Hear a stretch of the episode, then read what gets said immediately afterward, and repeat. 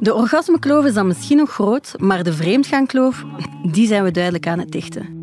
Het aantal vrouwen dat vreemdgaat is on the rise de laatste jaren. Hoe komt dat? En hoe kan een relatie hiervan herstellen? Wij vogelen het uit.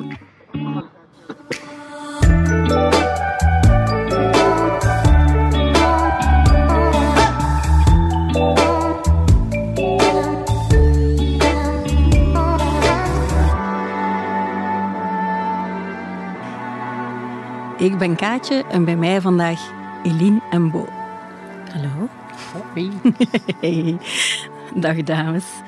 Ja, we wijzen nogal graag naar mannen als het gaat om vreemdgaan. Hè. Die testosteronbommen, eh, die een penis niet in hun broek kunnen houden en die eh, ja, met een goede evolutionaire uitvlucht hun zaad moeten verspreiden. Ehm, en wij, de vrouwtjes, die zitten te wachten om bevrucht te worden. hè. en toch niet te veel, met niet te veel mannen moeten slapen. Maar het tegendeel blijkt waar. Eh, Het blijkt uit alle statistieken, internationaal, nationaal, dat het aantal vrouwen dat vreemd gaat, stijgt. We gaan ongeveer naar algemeen, want er, er zijn heel veel verschillende cijfers. Hè. Niet iedereen is ook altijd eerlijk in die, Ja, in die onderzoeken. Eh, maar ongeveer 20% vrouwen, 25% mannen. Hè. Daar zitten we vandaag. Ja, de vraag van de dag is dan... Zijn wij ooit vreemd gegaan? of jullie? Tricky question, Kaatje. Topvraag. Ja. Er zijn ook geen mensen aan het luisteren. Hè. We doen Nee, het we zijn niet... eh, Nee, we doen dit gewoon voor maar onszelf. het hangt af van de definitie van vreemd gaan, denk ik. Het is een, dat vind ik een hele moeilijke definitie. Zo. Wanneer ga je vreemd of niet? Ik heb ooit al aan andere mannen gedacht terwijl ik in een relatie zat, bijvoorbeeld. ja.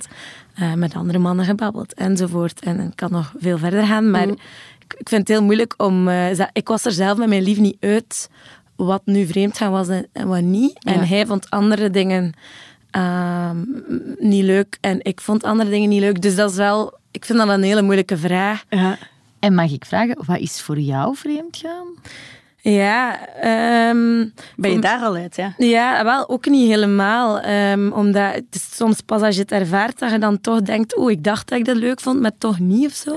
Ik denk dat mijn antwoord op dit moment, maar misschien is het volgende week weer anders, vooral is dat ik het heel bespreekbaar en uit het geheim, ja, alles wat heel geheim is en zo, dat, dat vind ik heel lastig. Eh, Maar dat is, dat is ik als persoon, hè, dus ik weet het niet. En jij, Ja, ik zie je kijken. Ehm, ik ben toen ik jonger was ehm, wel vreemd gegaan. Hm. Ik heb daar heel veel spijt van, ben daar helemaal niet trots op. Mhm. En ik zou ook nog altijd heel graag willen dat ik dat kon terugdraaien, maar dat gaat niet, dus ik kan het alleen nu beter doen. Oh. Dat is mooi. Ja, je durft het wel zeggen. Ja. wel, eh, Ja. Ik vind dat wel nog altijd heel moeilijk. Ja, dat ik vind dat ik. heel erg dat, dat, dat ik dat was. ja. Je veroordeelt jezelf daar ook voor een stuk voor. Zeker, Ja. zeker. Ja, absoluut. Ja, ik eh, kan niet zeggen, want ja, dan ga ik dat zelf ook maar delen, dat ik ehm, ooit ben vreemd gegaan, maar misschien is dat ook omdat mijn relaties nooit lang genoeg geduurd hebben of zo daarvoor. Ik vraag me altijd af, vooral, ik zit natuurlijk vaak in de omgekeerde positie. Hè. Ehm, ik ben al lang single, dus ik ben dan degene waar Mee wordt vreemd gegaan. makkelijk mee kan vreemd Ah ja, gegaan dat is ook nog een worden. positie, ja. En ik vind dat eigenlijk al een moeilijke of zo. Ja. Ja. Stopte die mensen of niet? Ja, want Maar en ook andersom. waar, waar ligt mijn lo- Grens, allee, ja. verantwoordelijkheid ook daarin? Hè? Ja, dat is Ja. ook een heel moeilijke Ja, vraag. ja, complex Ja. gegeven. Ja. Kijk, maar ik ben toch wel blij dat we daar een klein beetje eerlijk over kunnen zijn vandaag. Ja. Ja. ook als wij het niet durven, hoe kunnen we dan verwachten dat andere mensen er eerlijker en opener over gaan spreken? Dat is waar. Ja.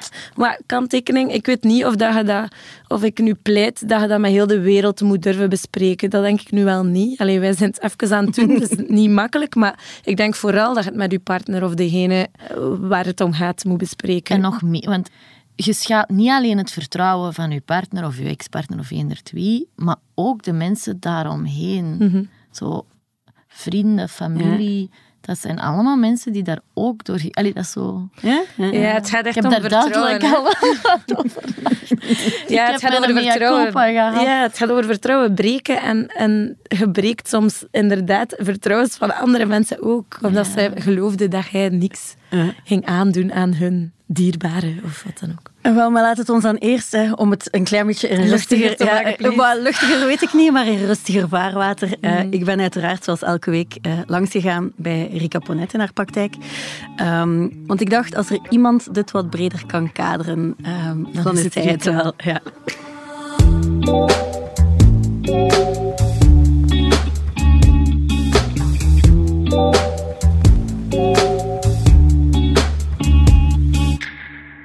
Ik denk dat die cijfers vrij gelijklopend zijn. Ja, dat vrouwen onderrapporteren, omdat de afkeuring naar vrouwen, als het daarover gaat, nog altijd groter is. Er is zeker nog een dubbele standaard. En ehm, ik zeg niet dat bij mannen bon ton is om te zeggen dat je vreemd gaat. Ik denk niet als je onder vrienden bent en je vertelt dat je vrouw bedriegt, dat je daar veel applaus van dag en dag voor krijgt op café in je omgeving. Vroeger zal dat misschien wel geweest zijn, maar ehm, allee, zo, zo zit de standaard niet meer in elkaar.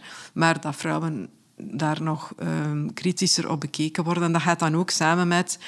Weet je, als vrouw ben je zo'n beetje in een gezin, zeker als er kinderen zijn, de rots in de branding. Hè. Een vrouw eh, behoedt het gezin voor van alles en nog wat en heeft eigenlijk in eerste instantie de gezinswaarde voor ogen. Hè. Het, het welzijn van de kinderen. En dat staat wat haaks op het beeld van de vrouw die vreemd gaat. hè, die, die buiten de deur zoekt. Die egoïstisch voor haar plezier gaat of eh, het elders gaat zoeken of eh, dat gezinsverhaal bedreigt. Want daar gaat het dan ook natuurlijk wel over. We zien ook dat het zeker gelijkaardig is daar waar een maatschappij ervoor zorgt dat er ook na dat vrouwen het eigenlijk even goed hebben als mannen, want het hangt heel sterk samen met de mate van gelijkwaardigheid. We zien in Scandinavische landen dat daar de gelijkwaardigheid het grootst is, dat daar eigenlijk ehm, het verschil tussen overspel bij mannen en vrouwen het kleinst is.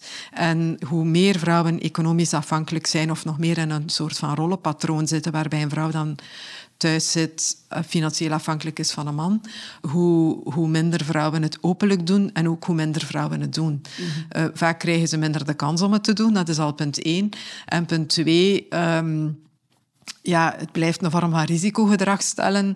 Als het uitkomt, eh, leidt het toch nog wel in hoge mate tot een relatiebreuk. En als vrouw met kinderen en je werkt maar deeltijds of je werkt niet, ben je uiteraard veel kwetsbaarder en betekent dat op dat moment dat je in een hele moeilijke situatie terechtkomt. Maar in eh, wezen, ehm, ja, ik denk dat vrouwen vooral ook zeer goed zijn in het eh, verstoppen daarvan. Ik denk dat het bij mannen vaker uitkomt dan bij vrouwen. Daar ben ik zeker van. Juist omdat vrouwen ook weten wat de prijs is die ze er kunnen voor betalen. Het is een enorm vraagstuk geworden.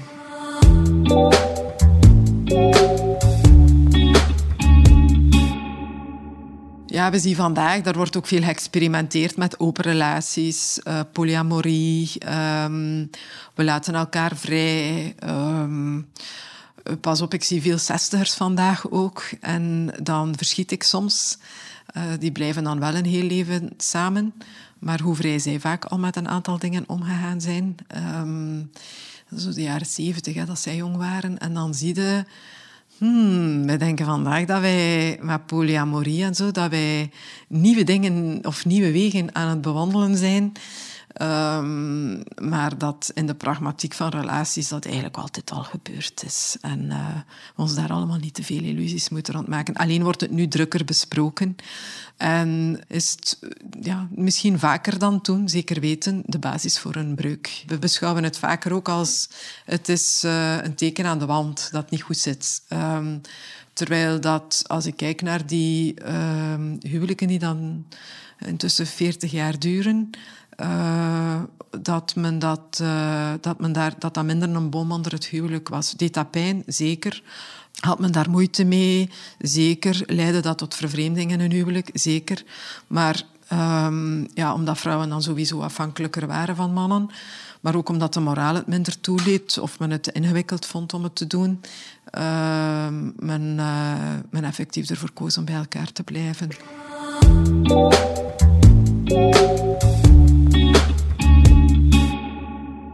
Vrouwen doen het omdat vrouwen emotionele connectie missen. Eh, en mannen die doen het omdat mannen nu eenmaal altijd en overal goesting hebben. Dat is helemaal zo niet. Mannen doen het ook omdat ze in- binnen een relatie niet bevestigd worden. En die bevestiging dan krijgen in een ander contact. Vrouwen doen dat ook om die reden. Mannen doen het omdat ze zat zijn en iets zien passeren en daarin meegaan. Vrouwen doen dat ook omdat ze zat zijn en iets zien passeren en daarin meegaan.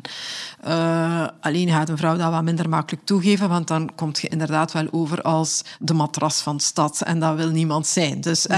als man gaat dat toch altijd wel wat minder zijn. Hè, dat je dat soort, uh, dus, maar dat gebeurt. Ik hoor dat in mijn praktijk ook allemaal heel vaak. Zeker omdat vandaag die kanalen er zijn. Corona heeft daar ook een doorbraak in betekend, weet ik zeker.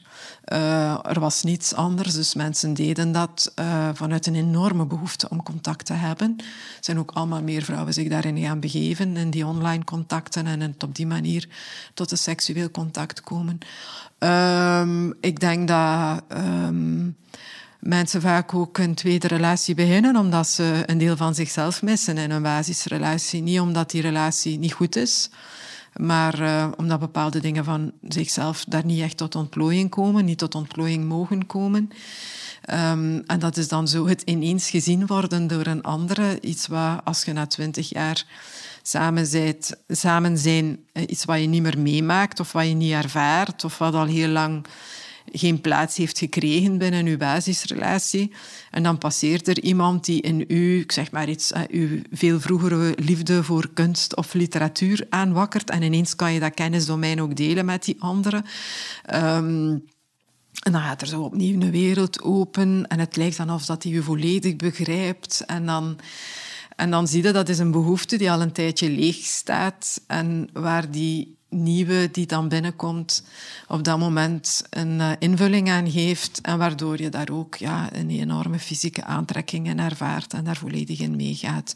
Het gaat altijd over Um, als het echt over vreemd gaan gaat, en over een langere periode ook met iemand uh, een relatie, want dat zijn eigenlijk al tweede relaties. Hè. Eh, altijd ofwel over een teveel aan relatie in de basisrelatie, verstikt worden, te nabij gehouden worden, gecontroleerd worden, of een tekort aan relatie, zo noem ik het ook.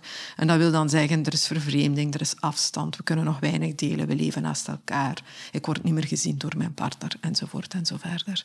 Dat is misschien een simpele samenvatting, maar daar komt het wel op neer. Er is altijd sprake van een teveel of een tekort aan relatie in dat basisverhaal waarmee dat dan niet gaat over de partner is niet goed, hè? of de partner is te oud. Of, het is altijd over, ja, um, zijn we onderweg de connectie verloren of de verbinding verloren. Want als mensen dan toch terugkeren naar hun basisverhaal, wat toch in de helft van de gevallen gebeurt, dan zie je dat daar dat, dat dan ook hetgene is waar dan een stukje moet aan gewerkt worden van ja, hoe komt het dat ik daar dan toch uitgetreden ben uit die relatiecirkel of dat ik die stap heb gezet of dat ik toch ja, vatbaar was voor een tweede verhaal.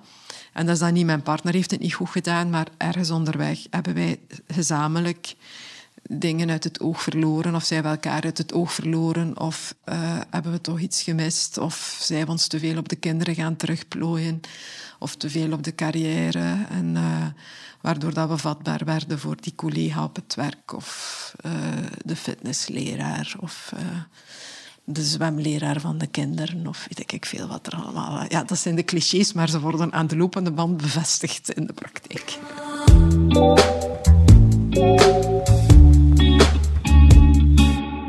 Ja, dat was Rika. Mm Zoals elke week, altijd interessant om haar iets te horen.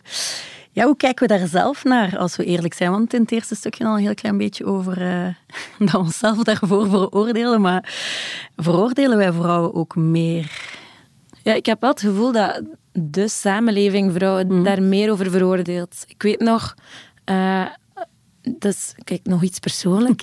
Als ik uh, jong was, in de scouts had ik eens in een, in een bepaald... Ja, ik had drie jongens eens gekust, maar ja, over een tijdspan. Hè. En dan werd er zowel gegrapt, de matras. Hè. En ik bedoel, dat is, dat is niet zo tof om te horen, terwijl die, een jongen, dezelfde leeftijd, ook met drie vrouwen gekust, dat was echt de held. Dat was de hot boy en de knappe man. Vind ik wel... Allee, dat is een mooi voorbeeld van hoe dat de samenleving toch vrouwen veel sneller de slet of de matras noemt. En de mannen zijn zo, ja, ze hebben het gemaakt of zo. Ik bedoel, wat, wat, is de reden dat ik het niet gemaakt had? ik vind dat jij het gemaakt ja. hebt. had het echt gemaakt. maar ja, en, to be fair, dat is dan alleen nog maar binnen dat was doen, gewoon, Ja, dat was gewoon kussen. Ja. Kan het ons allemaal overkomen? Zo, hè, als je zegt van je zit in een goede relatie, zo, kan het ons toch allemaal overkomen dat we zouden vreemd gaan? ik denk in ieder geval dat het veel meer mensen zou kunnen overkomen dan we denken of dat ze zelf denken. Mhm. Maar ik geloof ook wel echt dat er echt mensen zijn waar het dan nooit bij zal gebeuren.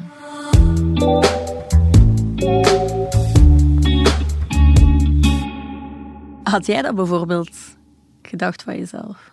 Of mag ik dat vragen? Eh, ja, ja, Ja. je mag dat vragen. Ehm, als ik er nu achteraf op terugkijk,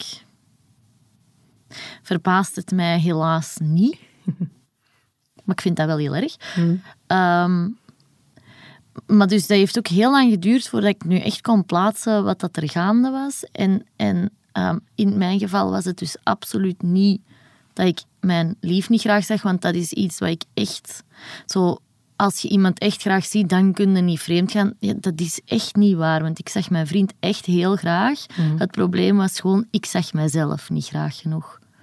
Dus doordat ik helemaal niet gelukkig was met mezelf, denk ik dat ik gewoon op allerlei verkeerde plaatsen naar bevestiging ging zoeken. Ah, Bevestiging is zelfs niet het juiste woord, maar naar gewoon iets dat mij op die moment een goed gevoel gaf. Wat dan achteraf natuurlijk. Niet meer was. eh. Ja, maar ik denk, Rika zei dat ook. Ehm, we denken heel vaak dat dat iets zegt over de relatie of zo, of over de andere persoon, maar het zegt zo dikwijls veel meer over waar dat we zelf Ja, zitten in ons leven, denk ik, als er zoiets gebeurt. Is Ehm, het echt? Want ik had echt een toplief. en een hele toffe relatie. Ja, en ik, ik kan dat dus nu gewoon niet vatten dat ik dat heb kunnen doen in die relatie. Net omdat dat zo... Allee, dat, niemand verdient dat. En dat is nooit oké. Maar omdat het dan ook nog eens zo'n schone mens was... Is dat, ja, ik heb, ja, ik heb dat echt heel, heel, heel, heel, heel lang heel moeilijk gevonden. En ik heb ook nooit echt zo heel goed sorry kunnen zeggen of zo. En moeten we ons daar dan op voorbereiden? Ehm, denken jullie in een relatie? Als je verliefd bent, moet je dat gesprek al hebben van... Ja, jongens, wat is vreemd gaan? Wat als er iets gebeurt? Wat wil ik weten? Wat... Want dat is ook, denk ik... Ja, ik, ik denk dat het belangrijk is om het, er, om het wel bespreekbaar te houden. Dus je kan nooit alles voorbereid hebben. Je kan ook nooit... allee, ja, ik denk dat je nooit volledig kan besproken hebben wat niet, wat wel. Want er zijn daar zoveel nuances en details in. Maar je kunt het wel een keer bespreken en je kunt wel een bepaalde lijn zetten. Maar ik denk dat het vooral belangrijk is om, om het blijvend bespreekbaar te houden. Dat als er dan iets voorkomt dat je nog niet had besproken of wat dan ook, dat je dat op tijd bespreekt en op tijd weer herevalueert. Of her- ja, evalueren is een slecht woord, maar zo... Ja, eh, ja, vanaf het moment dat je het niet meer kunt bespreken, dan zit het niet meer goed.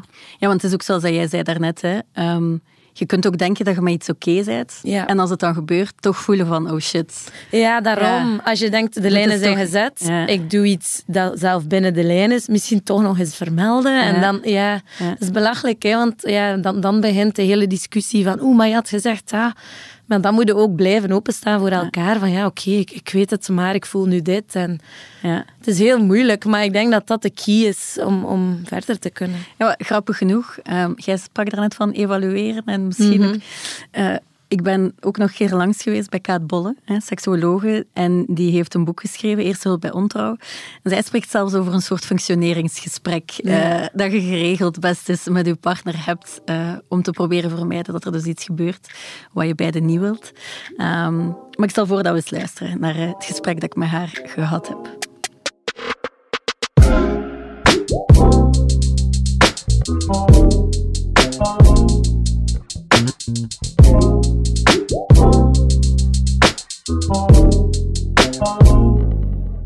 En wij gaan er eigenlijk vanuit dat de helft van de mensen ooit in zijn leven ontrouw zal zijn. Eh, en ja, als je dan weet dat de meeste koppels met twee zijn, is de kans gewoon super groot dat je er ooit in je leven mee geconfronteerd wordt. En dat lijkt altijd heel gemakkelijk te zijn, want iedereen zegt altijd: Ja, bij mij zou het niet waar zijn. Zijn koffers zouden klaarstaan. Maar wij zien in realiteit dat dat niet zo simpel is, dat dat niet zo zwart-wit is. Want als je zo'n ontdekking doet, ja, je liefde houdt niet ineens op. Je ziet vaak die andere persoon nog graag. Je hebt misschien kinderen, je hebt een huis, toekomstdromen. Het is niet zo simpel om te zeggen, hier stopt het. En misschien is dat ook niet nodig. Mensen worden zo overspoeld door emoties dat die wat houvast nodig hebben. En ja, wij weten helaas dat de stap naar de therapeut heel, heel groot is. Vaak nemen mensen die stap ook te laat. Hè. Zitten ze eerst zelf wat aan te klommelen, want denken ze we moeten dit zelf kunnen of wij komen er zelf wel uit. En dan, dan is dat uiteindelijk niet het geval. En dan belanden ze hier bij ons op de bank. Um, dus we hadden zoiets van, misschien moeten we, moeten we al die kennis die we daar rond hebben opgedaan in de afgelopen jaren, misschien moeten we die alles in een boek gieten. Dan kunnen mensen thuis er al een stukje mee aan de slag. Dan kunnen ze, als ze zelf wat willen aanrommelen, toch geleid aanrommelen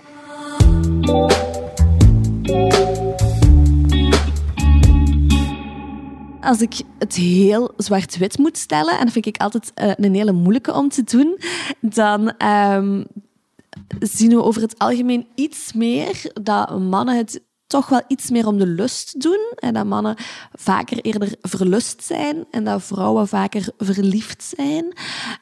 Um, maar dat wil niet zeggen dat wij hier ook niet heel veel verliefde mannen zien die met heel veel liefdesverdriet zitten als de affaire bijvoorbeeld is uitgekomen. En dat wij ook wel vrouwen zien die gewoon puur om de seks vreemd gaan. Nu, als ik aangeef van vrouwen gaat het misschien iets meer vreemd omdat ze verliefd zijn. Daar gaat ook wel altijd intense lust mee gepaard. Hè? Um, dat, dat zien we heel, heel vaak. Hè? Dat vrouwen mede door die verliefdheid ja, ook openstaan voor veel meer dingen. Dat die veel experimentelere seks met hun minnaar hebben. Um, dat die ook echt zo terug een sensuele vrouw in zichzelf ontdekken, waarvan ze vergeten waren dat die erin zat, of, of die ze zelfs misschien nog nooit ontmoet hadden. Dus lust is altijd, of quasi altijd, een groot onderdeel van een affaire. En en dat is op zich ook heel logisch natuurlijk, want je kunt elkaar maar weinig zien. Je hebt dat stiekem aspect. Ja, dat maakt alles al veel intensiever en veel intenser natuurlijk. Maar je hebt ook zo dat uitkijken naar, hè, dat verlangen. Ja, in een affaire heb je de ander nooit helemaal, waardoor dat verlangen ook veel meer brandend aanwezig blijft. En waardoor dat je tussen de afspraken door ook echt uitkijken naar elkaar. En ja, dat, dat is ook gewoon een langgerekt voorspel natuurlijk. Dat voorspel begint al na de laatste ontmoeting, begint eigenlijk het voorspel voor de volgende ontmoeting. Dus die seks die kan ook niet anders dan heel fijn en heel intens zijn. En in dat opzicht is een affaire altijd oneerlijke concurrentie voor een, een langdurige relatie.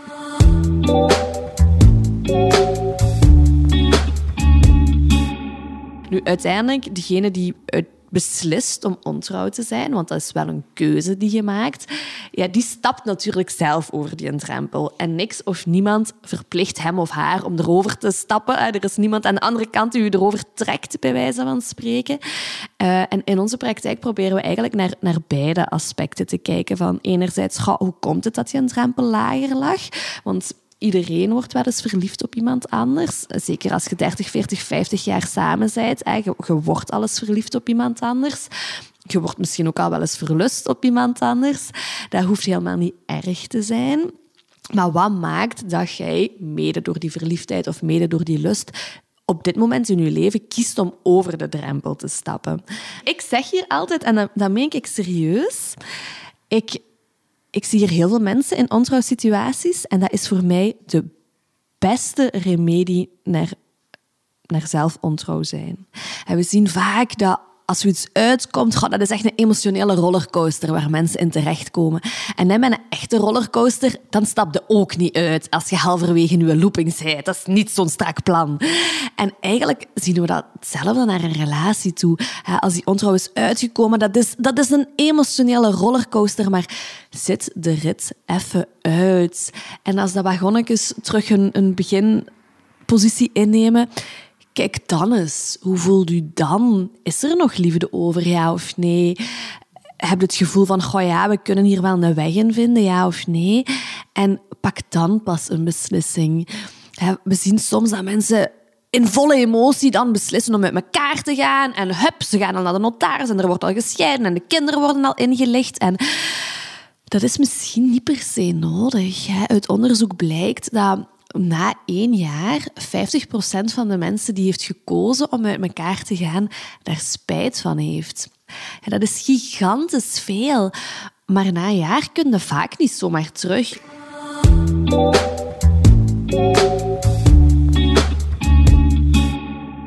Ontrouw zorgt er vaak voor dat het verhaal van het koppel wat ontkoppeld raakt en dat er twee verhalen ontstaan. Wij denken echt van dat, dat moet terug naar één verhaal komen. Dus wij gaan mensen echt hun verhaal laten uitschrijven. En best wel met details. Want wij zijn echt van de mening toegedaan dat alles op tafel moet. Ik weet dat sommige relatiedeskundigen daar anders over denken. Maar wij zien hier dat alles vroeg of laat toch uitkomt. En dat je misschien om je partner wat te beschermen, maar een deel zegt. Maar als dat dan na drie jaar uitkomt, ja, dan, dan is er nog meer schade aangericht. Dus wij denken echt dat zachte heelmeesters stinkende wonden maken. En raden daarom echt aan om alles op tafel te leggen. Nu, de gore details, die hoeven misschien niet per se. Hè. Je, hoeft, hoeft, niet per se aan te halen welk standje van de Kama Sutra dat je allemaal gedaan hebt. Dat is niet per se nodig. Want eh, eens je iets weet, kun je het nooit meer ontweten. Dus we, we raden mensen wel aan om ook daar goed over na te denken. Maar dat verhaal moet wel op tafel. Ja, je hebt je partner al gekwetst. Nu kan je niet meer zeggen, ja, dat ga ik niet vertellen, want het zou haar nog eens extra of hem nog eens extra moeten kwetsen. Ja. The only way out is, is true. Is true, ja. absoluut. Ja, absoluut. En als dat verhaal dan op tafel ligt, wat wij mensen ook echt heel letterlijk laten doen. Hè. Dus we laten die een verhaal uitschrijven, we laten die daar een titel voor kiezen, we laten die daar een cover voor kiezen, omdat we zien dat dat vaak toch op een andere manier binnenkomt bij mensen.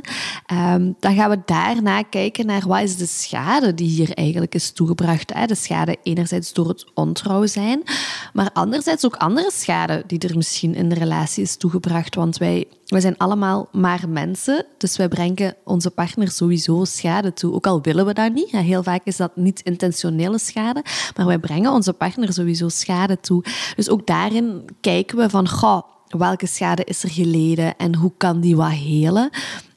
Laten we mensen heel vaak een uh, schadebrief voorschrijven. Komt uit de verslavingszorg. Uh, maar natuurlijk een affaire en verslaving, daar zit wel wat overeenkomst in. Uh, daarna laten we ze een, een excuus erkenningsbrief schrijven. We maken ook vaak ruimte voor een liefdesbrief. Um, dus we gaan echt zo wel kijken naar hoe, hoe kunnen we de schade wat helen. En dan komen we op een gegeven moment op een punt dat we zeggen van, en nu moet er een keuze gemaakt worden. Want je kunt niet heel je relatie in dat dader-slachtofferprofiel blijven hangen. Dus wij vinden wel dat mensen na zes maanden ook echt een keuze moeten maken. En dan geven we ze over het algemeen drie mogelijkheden. Dan zeggen we, kijk, ofwel kies je ervoor om toch uit elkaar te gaan. En dat kan en dat mag. Ofwel kies je ervoor om verder te gaan. En dan gaat je ook van, jij hebt mij dit aangedaan, naar dit is iets wat ons overkomen is en wat we samen proberen aan te werken. Of als je het nog niet weet, dan raden we vaak aan om een time-out te nemen. Gaande van één maand tot drie maanden, waarin dat je echt even ervaart hoe het is om uit elkaar te zijn, maar waarin dat je ook naar jezelf kunt kijken van, goh, wat mis ik hier, wat wil ik eigenlijk? Omdat wij zien dat onduidelijkheid, dat dat heel zwaar is om te dragen voor mensen. En mensen kunnen dat niet zo lang. De mensen die zeggen, we, we willen hier iets aan doen, we hebben daar hulp bij nodig, we gaan ons echt engageren om te kijken wat we hier nog van kunnen maken. Daarvan zien we dat de merendeel erdoor komt en dat hij vaak daarna zelfs een betere relatie heeft dan daarvoor. Um, we zien dat twee, drie jaar na de ontrouw heel veel koppels zeggen van goh, Eigenlijk zijn wij nu emotioneel meer verbonden met elkaar. Ons seksleven is ook vaak beter, want wij hebben moeten spreken over al die moeilijke dingen. Wij hebben naar onszelf moeten kijken, wij hebben naar, naar ons als koppel moeten kijken. En eh, vaak is dat heel helpend voor een koppel nu, het is niet zo dat ik ontrouw aanraad of voorschrijf bij koppels met een ingedut seksleven. Zeker niet. Wij vergelijken het vaak zo met kintsugi, eh, zo de eh, Japanse kunstvorm, waarbij dat gebroken servies eigenlijk aan elkaar geplakt wordt met gouden lijm en daarna een stuk mooier is, soms zelfs als kunstobject wordt gebruikt. En we hebben hier ook twee, twee bordjes uh, als groepsvormende activiteit, gekintsugiet. Um, en daar vergelijken we het heel vaak mee. Je zult altijd zien zien dat er iets gebeurd is. We kunnen ook niet ontkennen dat er iets gebeurd is. Maar misschien heeft dat er wel voor gezorgd dat jullie nu staan waar dat jullie zijn. En zijn jullie erin geslaagd om van dat zwart randje een gouden randje te maken?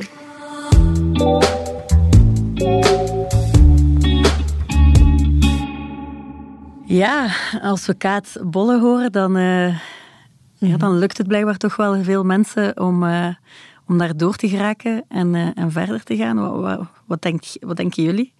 Kunt je verder als dat gebeurt? Ja, ik ben, ik ben ervan overtuigd dat veel mensen wel verder kunnen als dat goed besproken is, als ze er samen over nagedacht hebben. Ik voel wel, um, allez, ik heb dat zelf gevoeld, dat, dat ja, of het nu vreemd gaan was of niet, maar gewoon dat zo, als, als er dingen gebeuren, um, dat dat zo wat littekens nalaat. En dat als het niet goed gaat in je relatie of zo, dat je snel terugvalt in die littekens. Dus dat je daar wel heel hard aan moet werken. Hm. Maar uh, ik hoor Kaat ook zeggen, van door samen te werken raakt ook dichter bij elkaar. Dus ik wil dat zeker niet uitsluiten dat dat niet lukt. Maar ja, dat, ja. ja ze zegt ook duidelijk, the only way through is... Allez, je moet wel echt... Zij zegt alles op tafel, geen stinkende wonden meer, of geen stinkende potjes meer overlaten. Dan, allez, in het eerste jaar ga gewoon kut zijn. Je moet er gewoon... Ja, kut. Maar ik, ik geloof zelf dat... Ik zeg het bewust het woord littekens, omdat dat, hoe, hoe, genezen dat die wonde ook is, hoe doorsproken dat die ook is, daar zit zo'n soort barstje of zo. Mhm. Eh, maar goed, welke relatie heeft er geen barstjes? Al ja. ja, en ook het feit dat je dan wel um, alle twee door dat kutjaar wilt gaan... Mhm wil ook wel heel veel zeggen over de liefde die er wel is. Dus dat is dan, oké, je hebt dan een litteken, maar misschien ook wel een hele mooie plakker. Ja, voilà. Want zou jij het willen weten? Allee, ik vind dat zelf ook een heel moeilijke vraag om nu te beantwoorden, want ik denk dat dat heel hard afhangt van waar, waarom. Als nu uitstel dat mijn lief nu zou vreemd gaan, als dat echt één onbezonnen ding is en en je hebt daar heel veel spijt van, ja, dan misschien liever niet, al, al durf ik dat ook niet met zekerheid te zeggen. Als dat iets serieus is, of, of, of hij voelt dat hij verliefd is aan het worden of zo, ja, dan wel. Ja. En omgekeerd, hebben we daar al scenario's voor in ons hoofd?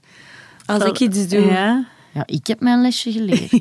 Ten eerste denk ik niet dat ik ooit nog zou kunnen, gewoon omdat ik dus heb gezien hoeveel pijn mhm. dat je iemand daarmee doet. En het idee dat ik nog eens de oorzaak ben van zoveel pijn bij iemand, dat kan ik mij niet inbeelden.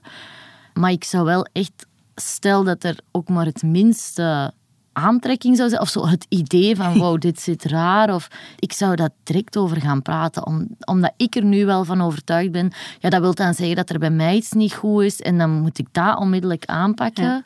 En daar wil ik dan ook open over zijn in mijn relatie. Of, maar ook met, met een therapeut of zo, whatever. Ehm, stel dat er ooit zo nog eens iets zou gebeuren, dan, hm. dan ja, ik zou heel snel aan de alarmbel trekken.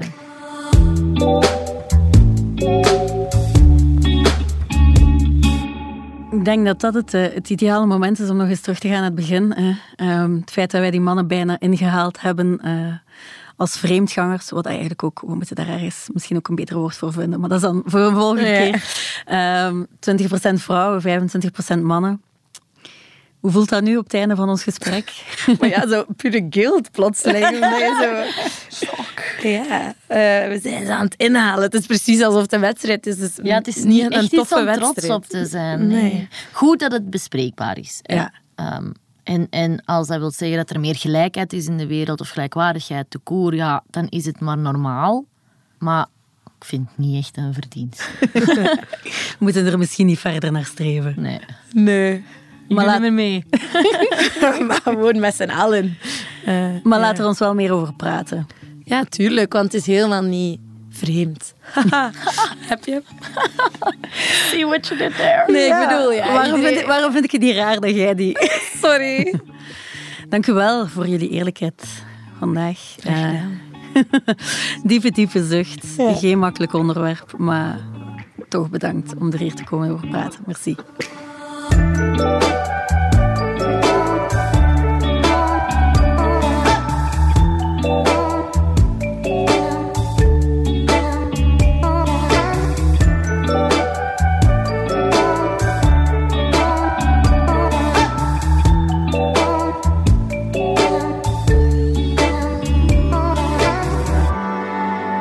Uitgevogeld is een podcast van het Nieuwsblad, bedacht en gemaakt door mezelf, Kaatje de Koning. Montage is gebeurd door Benjamin Hertogs van House of Media. Eindredactie gebeurde door Bert Heijvaart en Sige van Gelder. En vooral ook een dikke shout-out to my girls, Bo, Elle en Eileen. Merci om hier te zijn. We hebben het toch maar gedaan.